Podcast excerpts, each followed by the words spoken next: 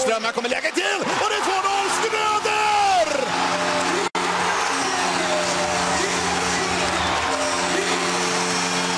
Och stället går bananas!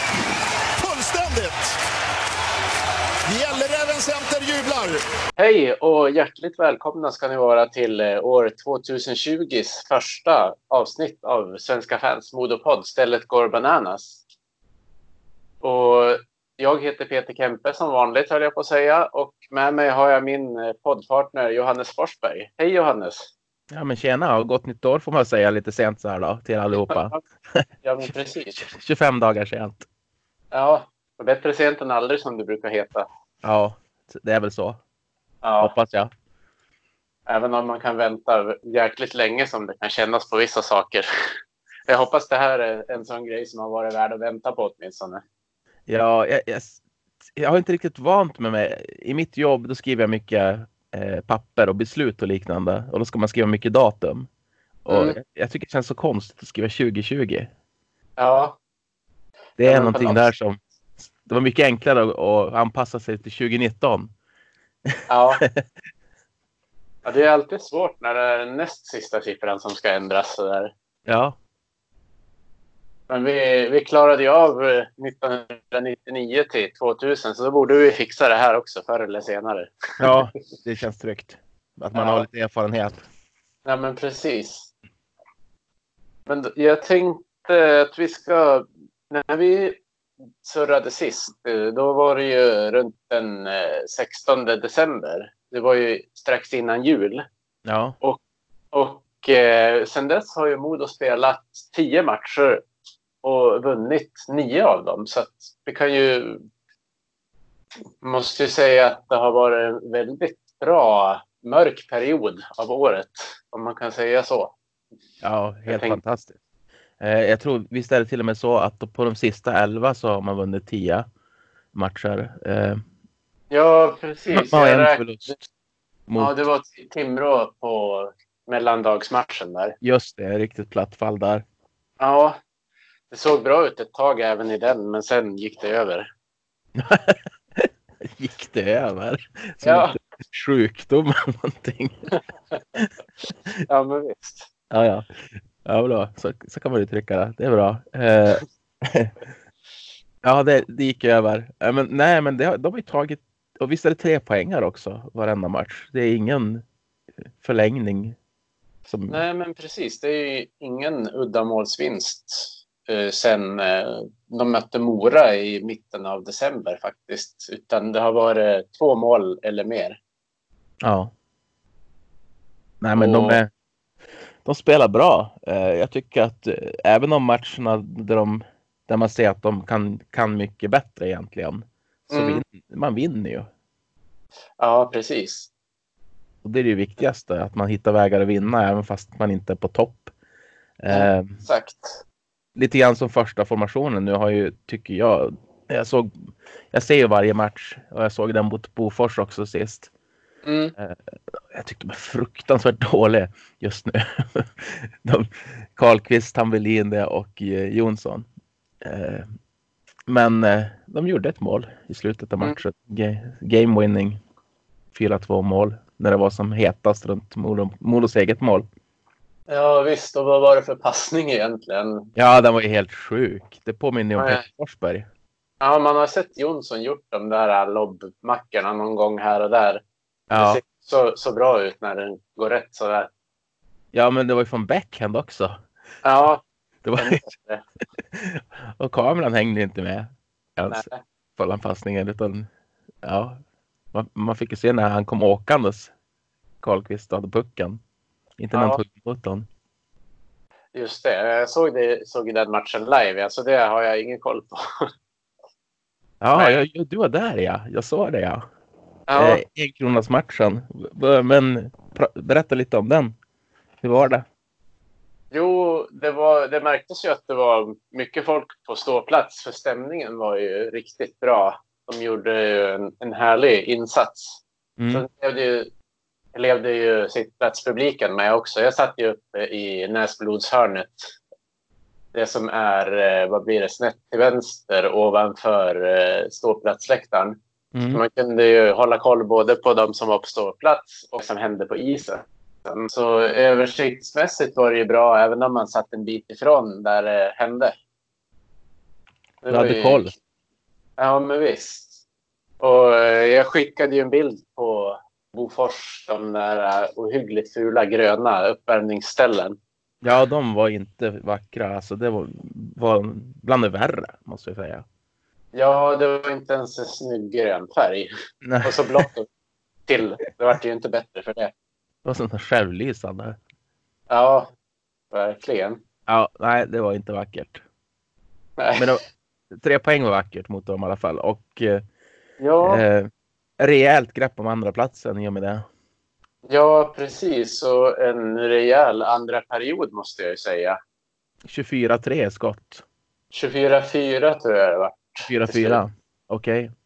Eh, de hade ju ett skott i ribban förvisso när det stod eh, fortfarande 2-1 tror jag. Så Mm. att det hade ju kunnat bli en annan historia. Men det blev På andra ju... sidan hade Björklund ett rakt i kryssribban också.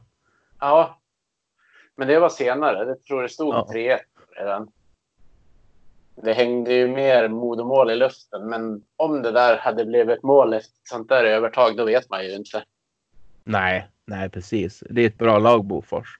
Ja. Eh, Det var många som sa att eh, nu är andra platsen eller nu är hockeyallsvenska finalen klar. Och visst, det är ett eh, glapp ner till både Karlskoga och Timrå på över 10 poäng.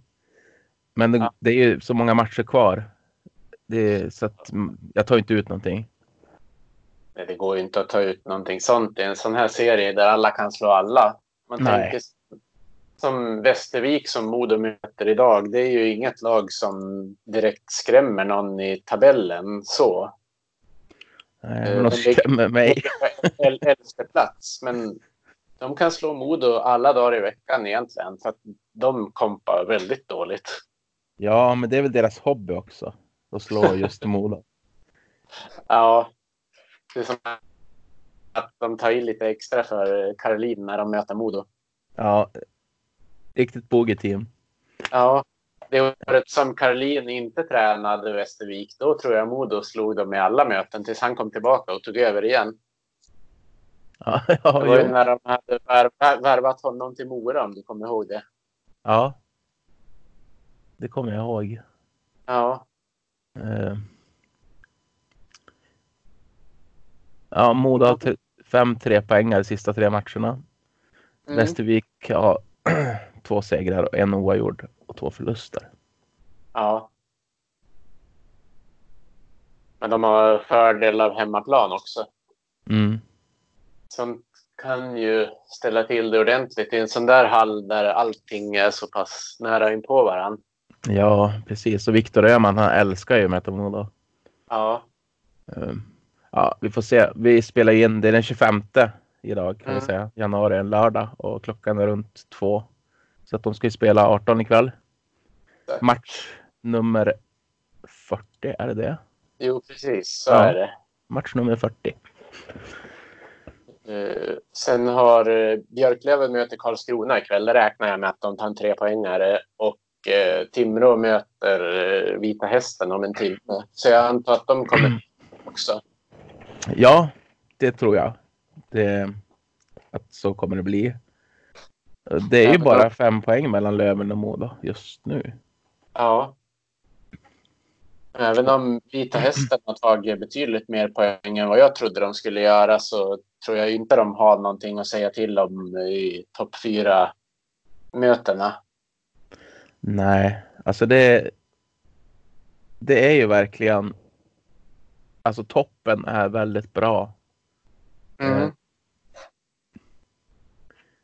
Tidigare, ja men i fjol var det AIK som stack iväg som seriens Ja. Precis. överlägset bästa lag. Men i år är det, det ja men Modo och Löven är ju som en klass för sig själv. Eh, och sen har vi Karlskoga, Timrå och Västerås. Mm. Och där har de ju 16 poäng till godo på Vita Hästen om man tar Timrå och Karlskoga då. Ja, precis. Västerås trodde man ju att de skulle hänga med, men sen var det fyra matcher i rad de tappade då. Ja, när de väl hade chansen att komma upp till och med nästan topp två i kapp. Jag tror inte Karlskoga som låg tvåa då, när de hade chansen att komma upp topp två. Det var Mm. innan Udo hade sin nya formtopp, eller vad man ska säga. Ja. Ehm. ja, Kristianstad, de har ju ramlat ner. Men de kan inte ramla längst ner därför att det, AIK är så fruktansvärt dåliga. Vi pratade om det innan vi började spela in, du och jag. Mm. Är det Ja. ett av Hockeyallsvenskans sämsta lag som i modern tid? De har vunnit sex matcher, tagit 28 poäng. Vad var det du sa också? Hade de 9% i PP? ja, precis. 9,49. Ja, det är fruktansvärt dåligt alltså. Ja. Ja, jag lider ju med de som eh, håller på AIK. Det, ja. det var så fruktansvärt. Och just sättet som det, som det blev på. De gick ju all in på Mm. att gå upp i SHL, men, men ansvarslöst. Gjorde de. Ja, ja, samtidigt så de var ju inte många minuter ifrån att faktiskt klara matchen mot Oskarshamn. Men det var som att de verkligen tappade allting sista matchen där. Det var som att det blev för mycket. Ja. Men man ska inte kunna tillåta, man ska inte, man ska inte kunna göra en satsning på, på, som har det här priset eh, på säsongen efteråt. Nej, och sen ser du ju de ledande spelarna som var i AIK i fjol. De är ju i Björklöven i år. Frågan Ja. är ju om de pallar trycket den här gången eller om det blir likadant. Ja, det är Nu intressant. har ju Björklöven många, ja, Björklöven har ju förstås många andra spelare också, men just de här eh, Cooper och Crandall bland annat var ju med i AIK i fjol. Mm.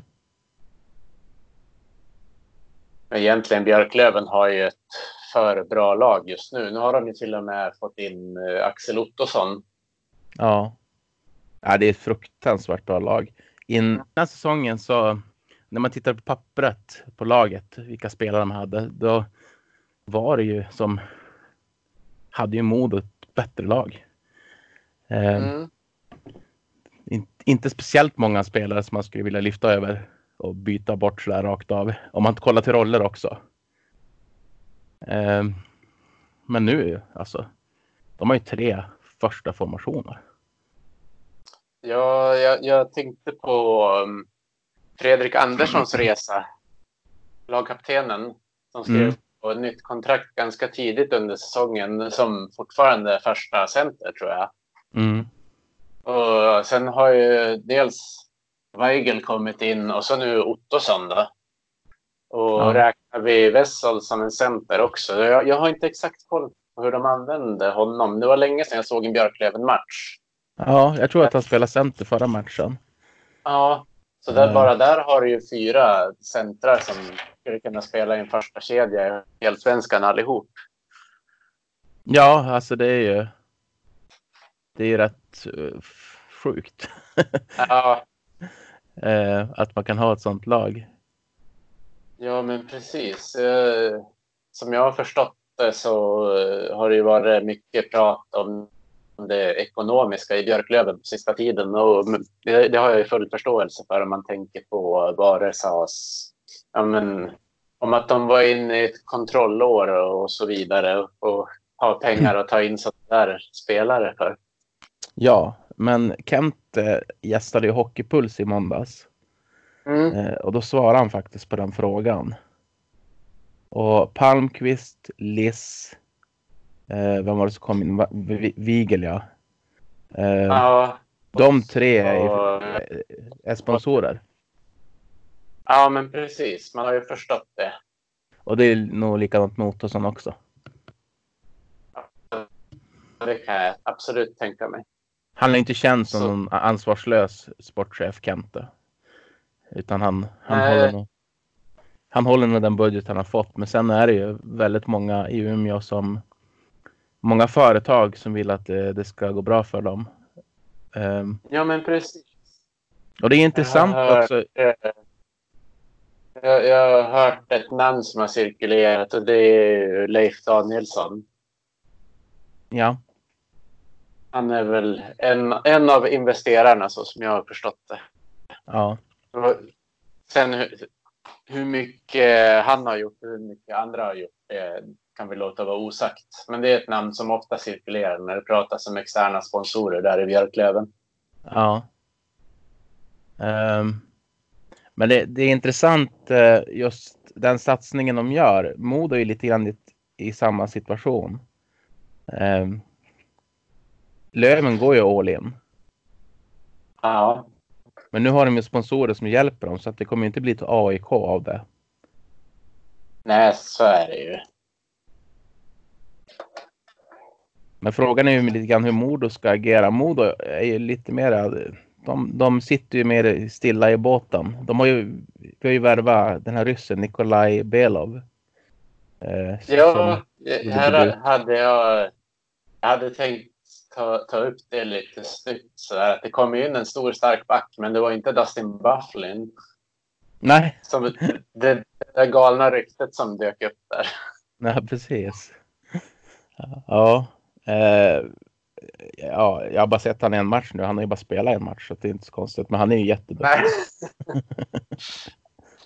Eh, precis. Eh, jag, jag fick ju direkt en, en sån här aura-intryck av honom också. Att han är ju här för att leverera. Han, eh, alltså, både publiken och stämningen och eh, allting runt honom där. Det gick nästan att ta på förväntningarna. De hade ju till och med kommit på en egen ramsa till honom innan han hade spelat en match. Det känns Mhm. som det kommer bli en sån här kul- kultspelare. Ja. Eh, Modo var tagit- intresserade av honom inför säsongen såg jag. Men de var lite osäkra på vart han, vad hans status var. Så det här är en kille som Modo har haft på sin radar. Ja. Och eh, jag kan tänka mig i hans situation som han har varit i nu, nu så kanske han hade lite högre ambitioner än Almtuna och de kanske behöver få in lite pengar. Så, som, som det låter. Och då är det väl, kan jag tänka mig, en bra lösning för båda parter att göra så där. Att han Ja. får lämna. För jag kan tänka mig att han spelar väl inte gratis, även om det var han själv som tog kontakt med dem. Som jag har förstått det. Mm. Eh, men eh, det, det som slog mig kring honom, han är, han är ju stor och stark såklart, men det var ju hans spelsinne. Han har ju Ja. jättefin blick för isen, lägger jättefina pa- öppnande passningar. Ja, men exakt. Han, eh, det första han gjorde, höll jag på att säga, var ju att slå en sargvallning som gav ett friläge för Johan Forsberg. Ja, Det var väl Jaha. inte i första bytet, men det var ett av de första. ja, jag har ju din hund också är helt exalterad över den här Ja, värvningen. precis. Ja, verkligen. Det, är, det är mycket bra betyg med andra ord. Ja, men exakt. Men jag, jag skrev det på Twitter när de hade värvat eh, Belov också. Att vilken smart värvning det är. Därför att Ja, det är ingen chansning. Alltså han spelar ju redan i, i allsvenskan. Han är en av de bättre backarna i serien. Eh, man har bra koll på honom. Man vet vad han går för. Och, och få lös honom. Alltså det är så. Det är så briljant i sin enkelhet på något vis. Istället för att chansa på någon transatlant. Eller Ja. något liknande. Som man inte har koll på. På samma sätt. Nej, men visst så är det ju. Och så... Han har ju dessutom spelat en ganska bra del av säsongen. Så att han har ju även speltempo. Mm. Han eh, sa väl själv sig vara på typ 70 procent av sin form för ett tag sedan. Men det, det kändes ju inte som några 70 procent han spelade med. Nej. Nej, men det är en klassback det här och det är ju. Eh, det är lite grann likadant med honom tror jag faktiskt som det är med, med många andra i Modo. Att går vi inte upp så spelar han nog i SHL nästa säsong. Ja, det känns mycket troligt. Och eh, han fick ju Frank Eriksson att prata ryska på presentationen till och med. Bara en sån sak. Ja, bara det är ju helt otroligt. Det har det har jag Ja. faktiskt missat. Var Ja, det på... det, det blev ju inte med på sändningen för de intervjuade Bofors tränare då såg jag. Ja, Det var ju tråkigt för de som inte var på plats. De missade de den där ryska inspelningen. Eller vad man ska säga. Presentationen ska man väl kalla det. ja just det. Okej. Ja, kul. Och, mm, och sen, jag vet inte om man fick se honom ta emot publikens jubel. För det var ju ganska högt ljud där. Då åkte han ju, han tog ett varv och applåderade till publiken. Jaha. Nej, det såg jag inte heller. Nej. Så Det var ju kul att se. Det hade man ju missat annars, Ja, med andra ord. Хоп! Давай, давай! Хоп! Давай, давай! Хоп! Давай, давай! Двигай телом, отдыхай! Хоп! Давай, давай! Хоп! Давай, давай! Хоп! Давай, давай! Двигай телом, отдыхай еще раз! Eh, Men du, det är ju faktiskt derbydags snart. På onsdag smäller det igen. Ja, precis. Hemmaplan för Modo. Eh, kommer nog bli full, full hall misstänker jag. Ja, det tror jag också. Många sålda biljetter redan nu så. Ja, jag såg att det var över 5000 redan som var sålda. Ja, det brukar ju inte bli mindre åtgång ju närmare matchen man kommer, utan det är snarare tvärtom. Ja, det brukar vara så. Folk som inser att "Åh, jäklar, den där matchen är ju rolig. Ja. Eh, ja, det är svårt att sia, sia matchen, men eh, ma man kan väl säga så här i alla fall när vi pratar värvningar och liknande. Jag, jag tror att Modo ligger lågt på målvaktsfronten just nu. Därför att Hanses har ju kommit upp i den där hysteriska formen som han hade i fjol. Ja, precis. Han eh, har ju verkligen klivit in och visat vem som ska vara första målvakt nu. Och Ja. Då hade ju ändå Lundin kommit upp lite grann innan dess. Så man funderade lite grann varför de bytte igen. Men Hanses har ju verkligen visat upp att det är han som ska stå just nu. Ja, jag tror att han har eh, varit 94-95 procentig i de senaste fem matcherna, fyra, fem matcherna. Ja, två nollor har han väl hållit. Eller, eller Ja. i alla fall. Jo, två nollor hade han hållit på tre matcher och sen så Ja, det var han som stod mot Vita Hästen. Jag blev Ja. osäker i mitt sinne där. eh, så att eh, ja, bra form på han. Eh, ingen bra form på första formationen just nu, men jag är inte orolig. Nej. En intressant detalj med dem egentligen Mm. Eh, Jonathan Jonsson är ju en av seriens bästa målskyttar. Ja, Gjort 21 mål. ja, Men han är inte ens topp 25 i serien på skott. det är intressant. Mm, faktiskt. Sen... Ja. Eh, För det brukar ju utmärka de som ligger högt i målligan. Att de skjuter väldigt mycket ja, precis. Eh, det är ju... Fredrik Forsberg har gjort 25 mål. Han har skjutit 135 skott. Ludvig Blomstrand och Albin Lundin har gjort 23 mål. De har skjutit 147 och 101 skott.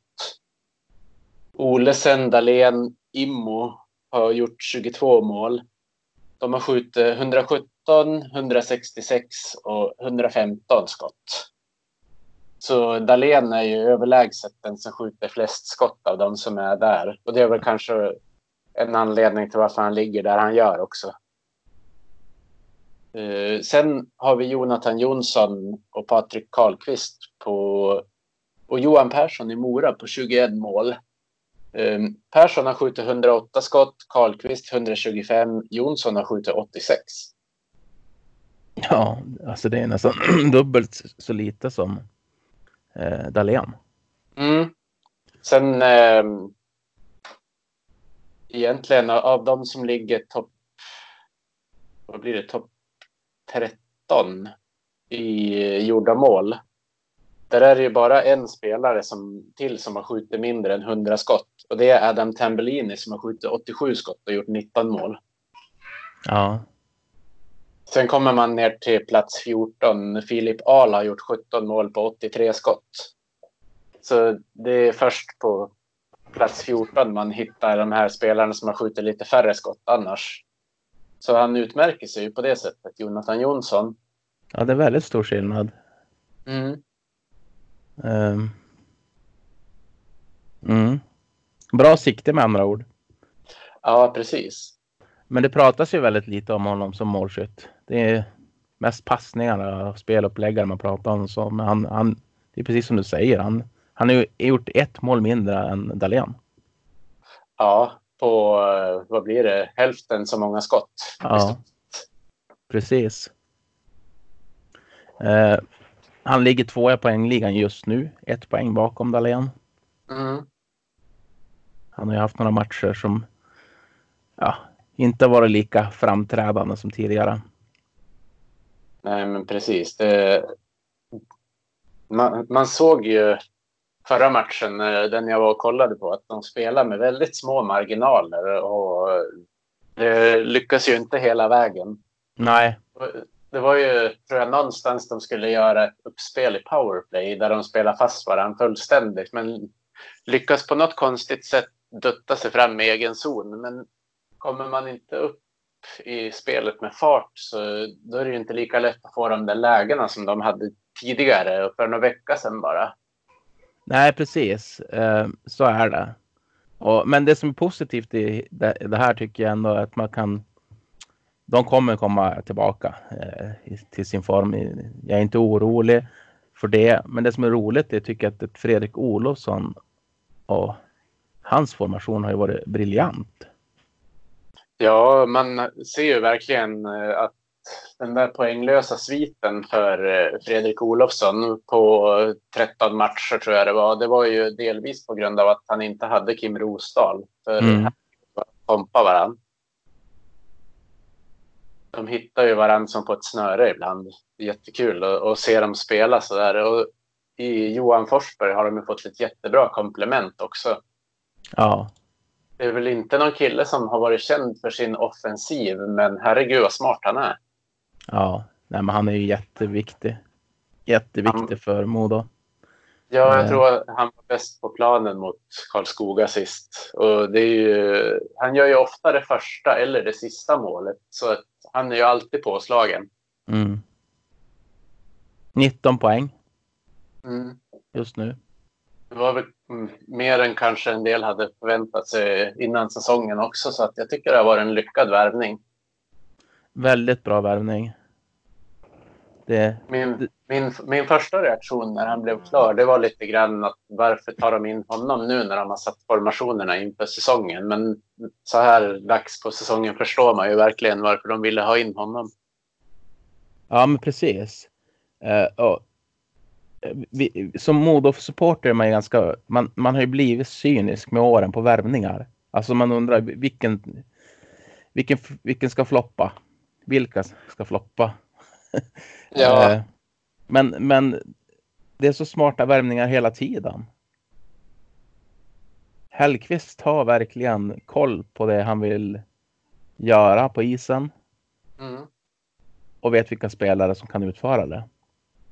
Ja, absolut. Och eh, Fredrik Glader har, han har tagit in Tambellini och Belov. Ja. Lyckats få, få in dem och få lös Belov från Almtuna. Det är ju, det är ju som det känns på förhand med honom så känns det som en viktig värvning, precis som Tambellini har varit väldigt viktig. Ja. Det känns eh. ju som de, vill ju inte bara värva utan de vill ju veta att de får in någon som tillför någonting och tar kanske en ledande roll till och med.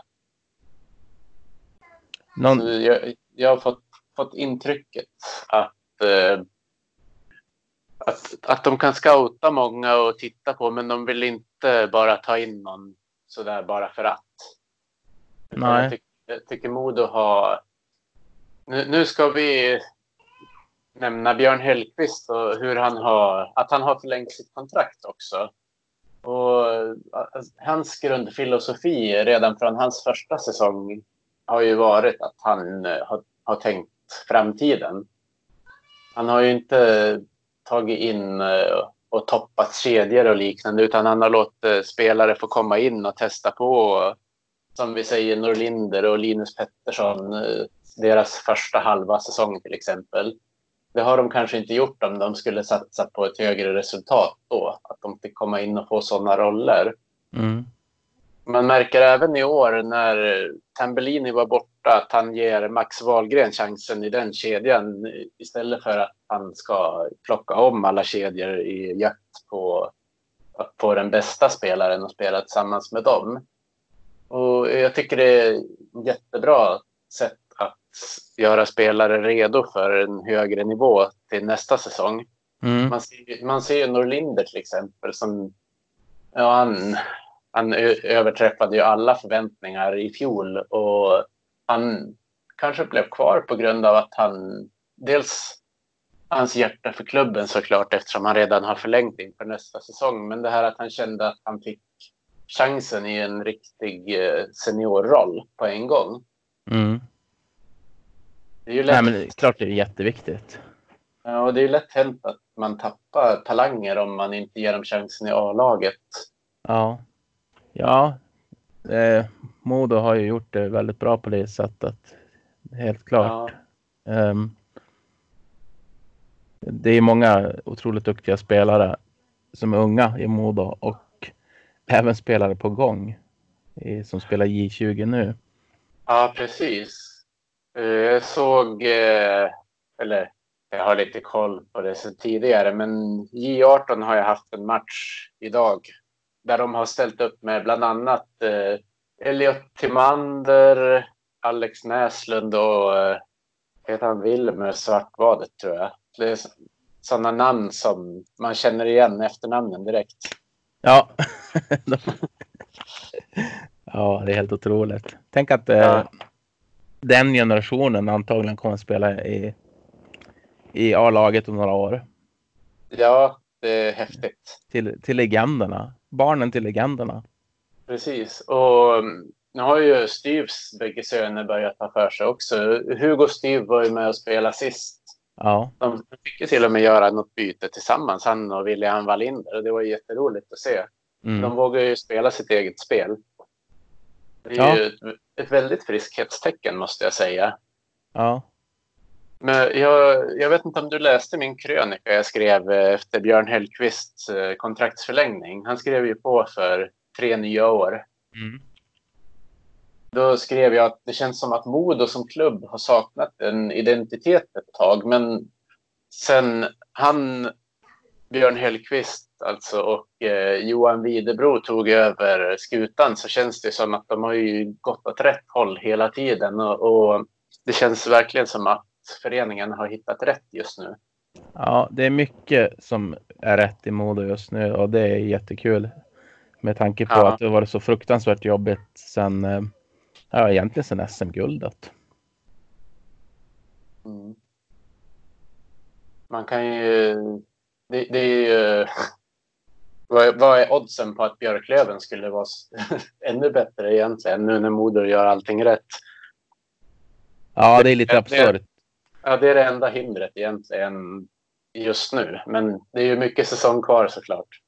Det är mycket säsong kvar och sen är det mycket prat om den hockeyallsvenska finalen. Det är klart, vi, är det, möter man Löven vill man ju absolut vinna den. Eh, men även om vi skulle förlora där så har vi ju chansen att gå upp i SHL ändå. Eh, Ja, så här, så det, det är bra på det sättet. Så att vi, det finns två chanser i alla fall. mm. Och du Johannes, Mm. 6 mars, sista omgången i serien. BIK Karlskoga-Modo. Mm. Är inte allting klart då kommer det bli en jäkla rysare. Ja, vi får hoppas att det är klart tills dess. Ja. jag kände bara direkt att mina nerver inte skulle klara det där. Nej, det är Åh. ett, ett möte mot Timrå i februari och ett möte mot Karlskoga i mars. Som kan bli riktiga sådana här nervperser. Ja. Och sen har vi nu på onsdag den 29 då. mot Löven också. Ja, precis. Det är ju inga lätta poäng direkt vi spelar om då. Nej.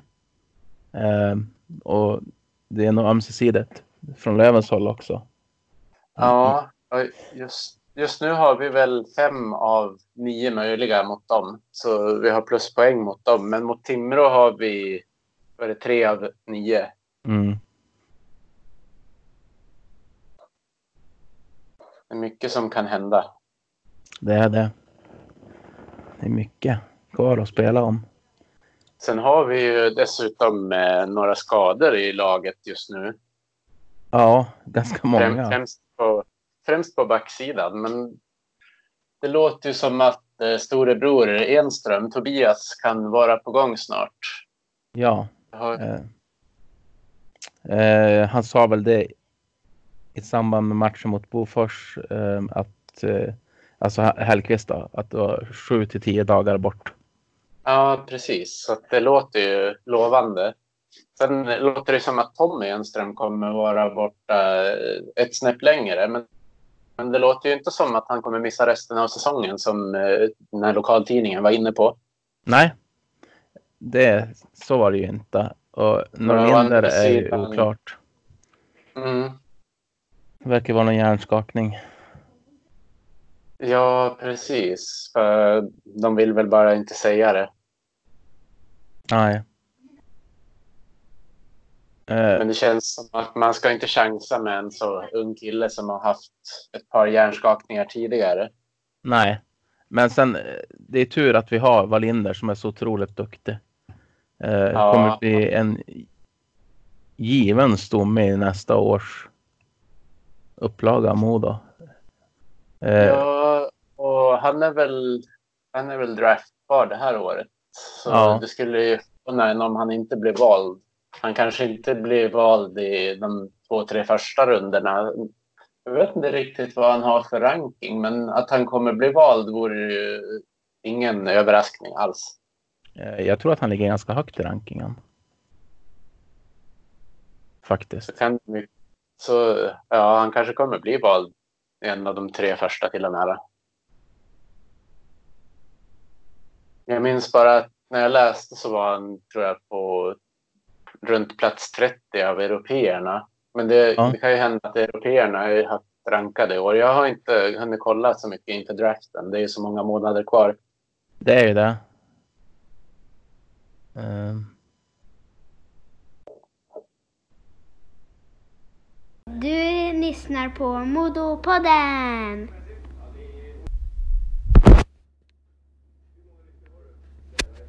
Men på tal om, om juniorer så det har ju varit junior-VM sen vi spelade in sist också. Det är ju en sån här happening som vi brukar följa rätt nära. ja, det är väl lite grann årets höjdpunkt. Tycker jag. Ja. Vad tycker du om Sveriges och hela turneringen egentligen? Sveriges lags insats ska jag väl säga. Eh, mycket bra. Alltså utifrån vad jag trodde innan. Så tycker jag att, eh, att åka iväg med ett brons, det är en seger. Faktiskt. Därför att jag, jag, jag hade tänkt att de skulle åka i kvartsfinal. Ja, det var ju vissa eh, frågetecken som fanns innan turneringen. Ja. Backsidan är ju väldigt stark. Eh, Mm. Och sen att man kanske saknade lite finess framåt då. Men Ja, eh, finess fanns ju, det såg man ju redan i första matchen. ja. Ja, du tänker på Höglander ja. ja, även om jag är lite allergisk mot att det ska kallas för ett Zorro-mål. Mm. Jag förstår, förstår inte riktigt var det uttrycket kommer ifrån. Det, det där kallas ju Michigan egentligen eftersom det var ju därifrån det kom från början, från Mike Legg. Ja, nej men det är ju från innebandyn de snott Zorro. Ja. Men eh, om man googlar på det första gången det hände i hockey, då får man ju fram en film som ser ut att ligga i, om man har tur, 144p. Ja, nice. Så det, det är ju ett tag sedan det hände. Det var i college första Ja. gången. Det är sådana moves som ska ses i 144p också. Precis. Ja, nej men eh, Höglander hade ju finess, självklart. Eh, jätteduktig hockeyspelare som eh, tyvärr tar lite dumma beslut. Och- Och Mm. det säger, jag- säger jag inte bara på grund av den tacklingen han blev avstängd på i JVM. Det, det har ju hänt även i, i SHL och Rögle. Ja, precis. Så att, eh, Jag, jag var själv inne på att det är en sån här grej som händer när man absolut inte vill ta emot en tackling. mm, Såg något, något annat exempel, jag minns inte vem det var, men någon som nästan lägger sig ner istället för att ta emot en tackling, vilket slutar med att det blir knä mot knä istället. Det var Ja. också under junior-VM, men då var det svensken som fick tacklingen. Eh, han skulle sätta in en tackling, motståndaren ville undvika den och till varje pris och sätter ut benet lite grann som en sån här målvaktsparad och Mm. sätter knä mot knä. Nu gick det ju bra som tur var, men det är ju som otrolig skaderisk. Jag vet inte om, om det är om det har blivit så på grund av att hockeyn går snabbare, att man vill värja sig mot tacklingar till varje pris eller vad det kan tänkas bero på.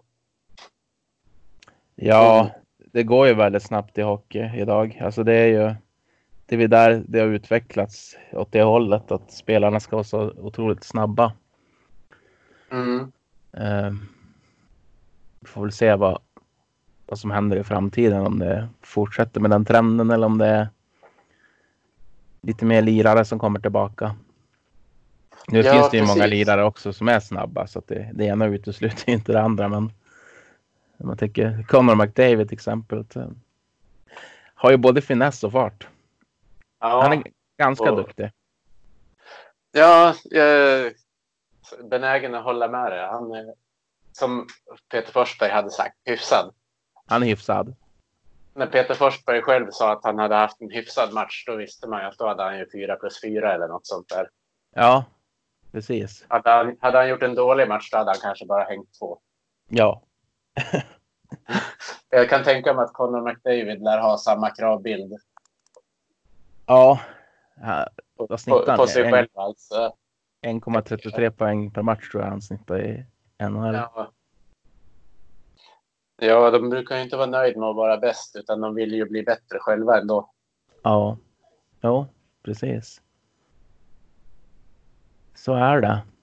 Men ehm, jag, jag tänk, satt och tänkte på en grej ehm, när, när jag var på väg till matchen i eh, onsdags. Mm. Då, där jag taggade dig i ett inlägg på Twitter. Kommer du ihåg det? Mm.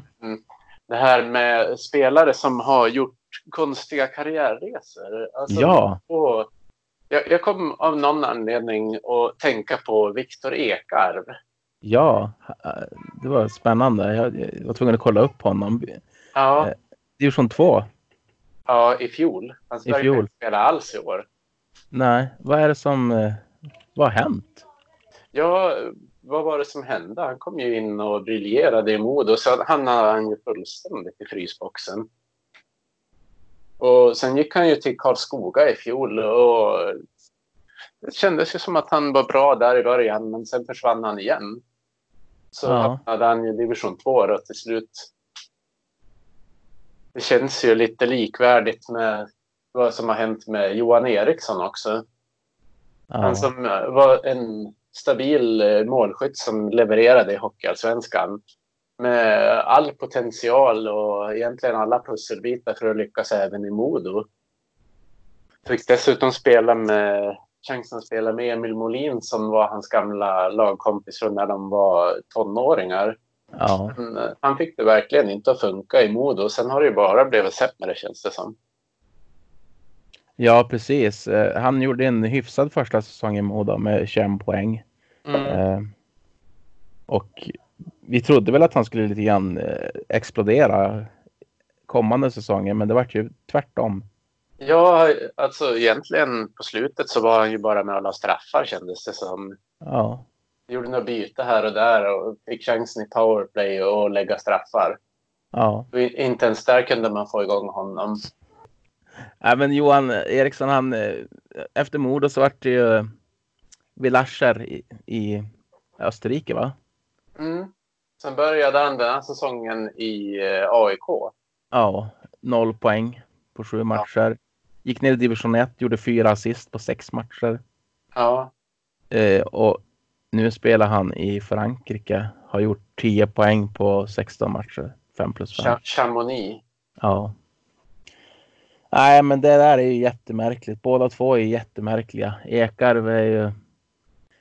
Han, är, han var ju rätt duktig. Alltså han har ju mycket hockey i sig. Det är som att han inte får ut det bara. Nej, men exakt. Nu vet jag inte om han har lagt av helt och hållet eller om han har lagt karriären på is för att tänka komma tillbaka senare. Men från början så var det ju kommunicerat att han hade väl fått en hjärnskakning när han var i Modo och sen så hörde man ingenting alls resten av säsongen. Han satt ju bara längst ut på bänken vissa matcher. Ja. Spelade 24, 24 matcher i fjol för Karlskoga också innan han gick till Arlanda. Eh, gjorde Ja. tre, tre poäng. Mm. Det är klart det är blygsamt eh, för en sån spelare. Han ska ju ligga. Han ska ju vara en spelare för de två första formationerna. Det är ju ingen Ja. spelare för tredje eller fjärde. Nej, men exakt. Sen eh, en annan värvning som inte riktigt funkade, det var ju Axel Eidstedt som man trodde skulle kliva in och dominera i Hockeyallsvenskan. Han är ju i, tre, gör sin tredje säsong i Vålerenga i Norge, men han är skadad och kommer missa resten av säsongen. Ja, just det. Eh, vi har haft... eh, Visst var det han som kom från HV? Ja, exakt. Det var det. Ja, Det har varit några såna knepiga, vad ska man säga, kanske inte värvningarna i sig har varit knepiga, men hur deras grejer har utvecklat sig sen. ja men precis. Eh, väldigt märkliga karriärsvängningar. Ja, Jag ser nu, jag håller på att googla lite grann här. eh, Jag tror att det är Patrik Karlqvist som som är ute och pikar mot Västervik. Att de inte spelar ingen vidare rolig hockey och att eh, de inte vill spela hockey utan de vill bara förstöra. Känns det som. mm. Det, det är sant. Eh, jag kommer att tänka på en annan spelare. Eh, Mm. Emil Karnestad. Han, Ja, ba- backen. Ja, han gick till Modo som, som en, eh, inte hypad, men en stabil spelare från IK Pantern. Ja. Han skrev ju på ett tvåårskontrakt med Modo. Sen spelade han ju med Oskarshamn i fjol och spelade 44 matcher. Han, han har nu lagt av. Har han slutat? Ja, 27 år gammal. Men, Och han är tränare i IK Pantern i division 3. Assisterande coach. du, det har jag helt missat. Jag är lite chockad. Ja, Mm. ja alltså jag, jag hörde talas om det där för någon vecka sedan. Han, han, han är inte dålig. Alltså grejen med han var ju att eh, han var lite för trög på skridskorna för Modos spelsystem. Ja. Lite grann liknande för Johan Eriksson också. Han var, han var för trög på Mm. skridskorna. Eh, för att eh, hade de haft lite mer speed, och säger Johan Eriksson, om han haft lite mer speed, då hade ju han kunnat göra nytta i off, eh, offensivt som i tredje, fjärde line för Modo. Ja. Men eh, det gick inte så snabbt. Nej, men exakt. Jaha, där ser man. Ja, hoppas han får det bra. I, att han trivs med livet. Ja, verkligen. Han kanske kommer synas i ett bås nära oss inom en framtid. Vad vet man? Vad vet man? Precis. Så är det.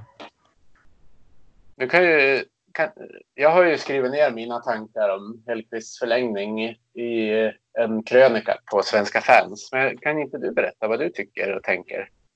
Ja, alltså. När, när det kom fram det här att Brynäs var intresserad av Hellqvist och man vet samarbetet som Sundlöv haft med Hellqvist och att de tycker mycket om varandra. Så vart man ju lite orolig. Eh, att eh, ja, han skulle locka dit honom även fast jag tänkte att Hellqvist skulle stanna och göra Mm. att han inte skulle lämna innan kontraktet har gått ut i alla fall. Men sen när jag såg det bara några dagar senare att han skrev på för tre år för Modo så kändes det otroligt bra för att ska man peka på en person eh, som är ansvarig för att Modo är ett topplag i Hockeyallsvenskan nu så är det, det är Hellqvist. Ja. Hans spelsystem eh, som han inte viker ifrån. Som är roligt spelsystem. Det är rolig hockey. Det är fart och det går undan. Utrymme för kreativa spelare. Eh, det är en sån där hockey som man, man, man vill se på. Eh, så att det tycker jag är jätteroligt. Att, att han är kvar då och fortsätter utveckla det. Sen verkar han ha otroligt koll på vilka spelare han tar in. Han vet vad han vill ha. Han vet vad han vill kräva av dem. Hög kravnivå på spelarna. Och så just det här arbetet han har gjort med Modos identitet. Är Ja. kanske absolut viktigaste. Det får inte slarvas bort efter de här åren med Hellqvist. När han väl väljer att gå vidare så måste det vara en styrelse, en ledning som vill bygga vidare på det här som han har tagit fram. Så att det inte kommer in någon gök och raserar det. Nej, vi har ju haft en, en tendens de här sista åren i SHL att tränaren fick ta över allt på något Ja. sätt. Det är klart, Ja, finns, det, finns det en grundtanke bakom så är det väl en sak. Men det kändes ju inte som det fanns någon röd tråd utan man hade, ja vad ska vi dra till med? Anders Forsberg, Milo Horzava, Per-Erik Jonsson och Larry Juras. Bara för att nämna några. Och de har väl ingenting gemensamt förutom att de är hockeytränare. Mm. Och eh, ja, det finns ju saker där man kan grotta in sig i, men det är precis sånt vi vill undvika framöver. Ja, kan men precis. Sitta och analysera vem som har infört vad och så vidare.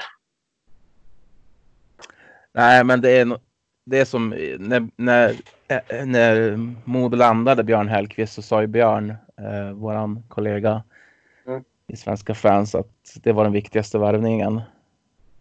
Ja, Och det är bara hands down på den. Det är ju så. Han är otroligt viktig för Modo.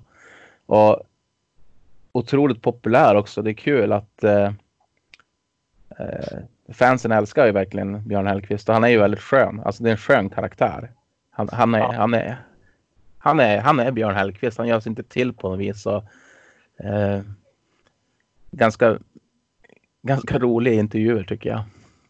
ja han... Eh, jag har ju gjort några längre intervjuer med honom och han är ju jätterolig att prata med. Ibland så pratar vi ju andra grejer, sånt som man aldrig skriver ner i intervjuerna heller. Så det är ju en fantastisk karaktär och jättetrevlig att ha att göra med. Mm. Det är väl någon enstaka gång som han har varit svår att nå, men då har det ju visat sig att de har jobbat på någonting i skuggorna så här efteråt. Ja. Men han har ju sällan duckat en fråga man har ställt. Men ibland kan han säga att det är någon fråga han är less på så han vill liksom ställa om den på ett bättre sätt och så vidare.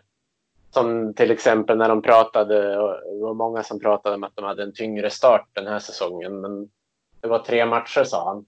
Så Mm. förstod inte var frågan kom ifrån.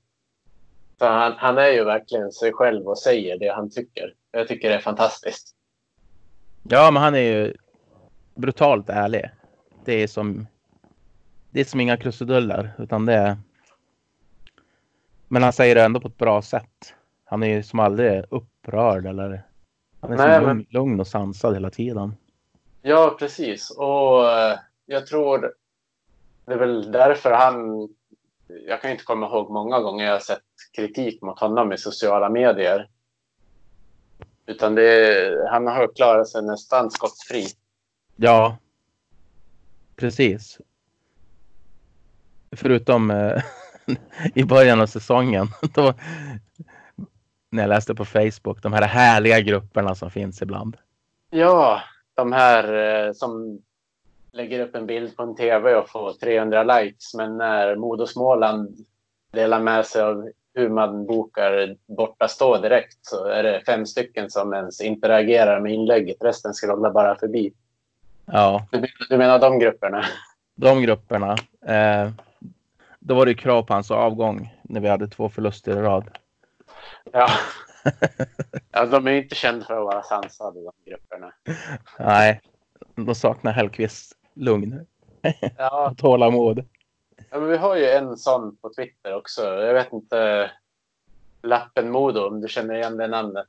Jo, Det är väl den enda som har eh, haft såna där tankegångar på Twitter. Annars känns det som sen Hellqvist tog över så har den kokande grytan ställts av plattan mer eller mindre.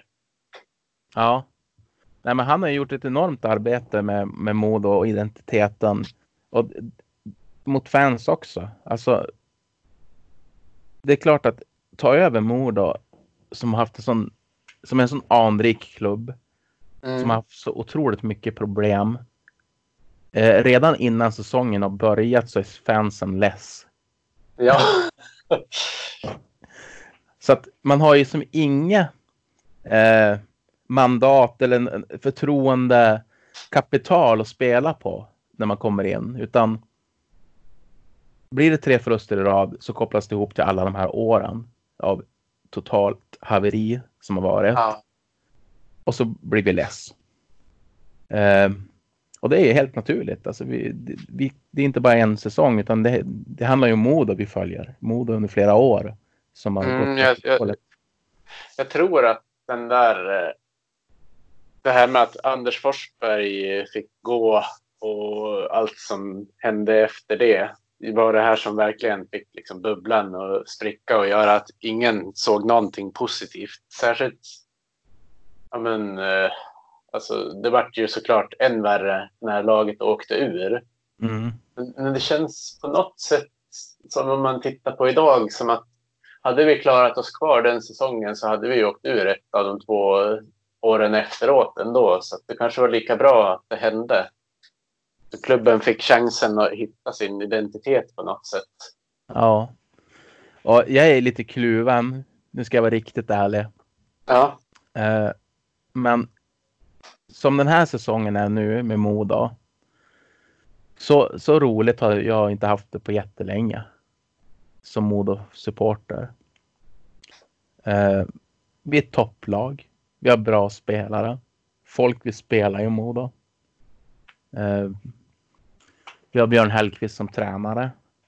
Man vill ju vara i finrummet. Man vill ju vara i SHL. Men det skulle vara otroligt tråkigt att gå upp och vara ett lag som kommer 10, 11. Ja jag förstår dig. Så är lite Eh. kl- kluven. kluven. Ja, men samtidigt skulle vi inte gå upp i år så eh, då försvinner väl hälften av de bra spelarna skulle jag tro. Ja, men det är ju så. Går vi upp då kan vi behålla alla de här talangerna som vi har och bygga, Ja. bygga på. Jag är bara så orolig att det blir. Men det kommer inte bli nu. Det är det, det är det som känns så bra med Björn Hellkvist och Videbro också har ju en stor del i det här. Eh, Ja, mot VD. Att, målet, målet har ju varit... Först var det, var det desperat att vi skulle upp direkt. Sen eh, det, när han tog över reviderades ju det där och då har ju målet varit att vi ska vara uppe det året som eh, föreningen fyller 100, det vill säga 2021 mm, Så om det, om det blir så så är det ju jättebra. Och det, då bevisar det ju att de har vetat vad de har hållit på med. Men samtidigt så skulle vi inte gå upp den här säsongen så har de ju ändå haft en väldigt positiv utveckling. Som du säger, det är första gången på länge som det verkligen är roligt att hänga med i hockeyn. Ja. Eh, Men det, det är ju... Man vet ju det, det. Det kommer ju krävas mycket för att kunna ta sig upp. Det är ju inte så enkelt. Och eh, efter den här säsongen blir det ju ännu svårare. ehm, ja, hur blir det efter den här säsongen? Är det klart? Det är väl inte spikat, men jag kan ju inte tänka mig att det blir något annat än att de skyddar SHL ännu mer. Som, så som förslaget har legat. Ja. Det vill säga SHL-lagen 13 och 14 spelar mot varandra om att åka ur. Och det är ju jättetråkigt för de här matcherna mellan Hockeyallsvenskan och SHL är det ju många som har följt som kanske inte kollar så mycket annars. Ja, det känns ju helt absurt att man ska göra så. Det känns så, så, så ologiskt på något vis. Om man ska spela om det så måste man ju ändå... Mm. SHL-lagen borde ha en möjlighet att spela om sin plats. Och de hockeyallsvenska lagen borde ha en möjlighet att få spela om att gå upp. Ja, Det är li- lite grann så tycker jag att det borde vara. Eh, nu ska de ändå spela om det, men, men inom sin egen liga då. Och är det Ja. bara, en- då är det bara en plats. ja det, blir, det är ju bara det som är så som jag har förstått det här förslaget. Och ettan i Hockeyallsvenskan då är de som går upp De, de, de möter tvåan. i en Hockeyallsvensk final. Ja, de som vinner den går upp så som jag kommer ihåg det. Men det blir ju också att det där att topp och hamna topp åtta eller någonting saknar ju betydelse. Vad ska, Ja. Vad ska lagen spela för? Alltså de som, ja men vi tar typ Västervik nu. Om vi ska ta dem, dem som exempel. Ja, Eh, de har t- 13 matcher kvar. De ligger 11 på 47 poäng. mm. De har 54 poäng eh, Karlskrona på som topp 8. Matchen ikväll är jätteviktig för Västervik mot Modo. Därför att de ska ju vilja, vilja haka på det här topp 8. ja, Men i en sån situation då har ju det totalt ingen betydelse överhuvudtaget. Så, alltså man dödar ju alltså säsongen. ja skulle- så är det ju. För nej, jag läser lite grann eh, som att det är klart med direkt upp och nedflyttning till SHL och Hockeyallsvenskan. Det innebär ju då eh, det står här att förändringarna kommer genomföras från och med säsongen 2020-21 och gäller i fem år framåt. Det känns ju verkligen som att de skyddar högsta ligan då. Ja. ja men jag, hade, jag hade kunnat köpa att ettan och tvåan i en hockeyallsvensk final gör upp med varandra. Eh, Här står det faktiskt i Hockeyallsvenskan blir det nu samma slutspelsmodell som i SHL där vinnaren går direkt till SHL. Då blir det alltså ett slutspel, kanske topp åtta då. ja. Medan lag 13 och 14 i SHL spelar i en så kallad playout över sju matcher. Mm. Ja, jag vet inte. Jag, jag tycker det, det känns trist på något sätt. För att hela idén med, med det här med svensk hockey, det är ju att, att lag ska ha en chans att gå upp och åka ur. Jag skulle vilja ha det så här om de skulle köra den här modellen. Ja, men Mm. kör en playout mellan två lag då, i de sämsta i SHL. Ja, Eh, den som förlorar den åker direkt ut. Eh, och sen så vinnaren av Hockeyallsvenskan går direkt upp av Hockeyallsvenska finalen då. Och sen Ja. så har man en plats till. Där man har slutspel. För topp 8-lagen. mm. Och så möter man det där SHL-laget. ja det tycker jag också låter som en, en rimlig idé. Då hade det ju varit lite mer roligt. Ja, där har vi löst åt Svenska Hockeyligan. Ja, Då får du lite, lite mer spännande matcher också som gör att hälften av folkets intresse inte dör ut efter att grundserien är slut. nej precis. Så, som det var i fjol så var det ju som att det var ju...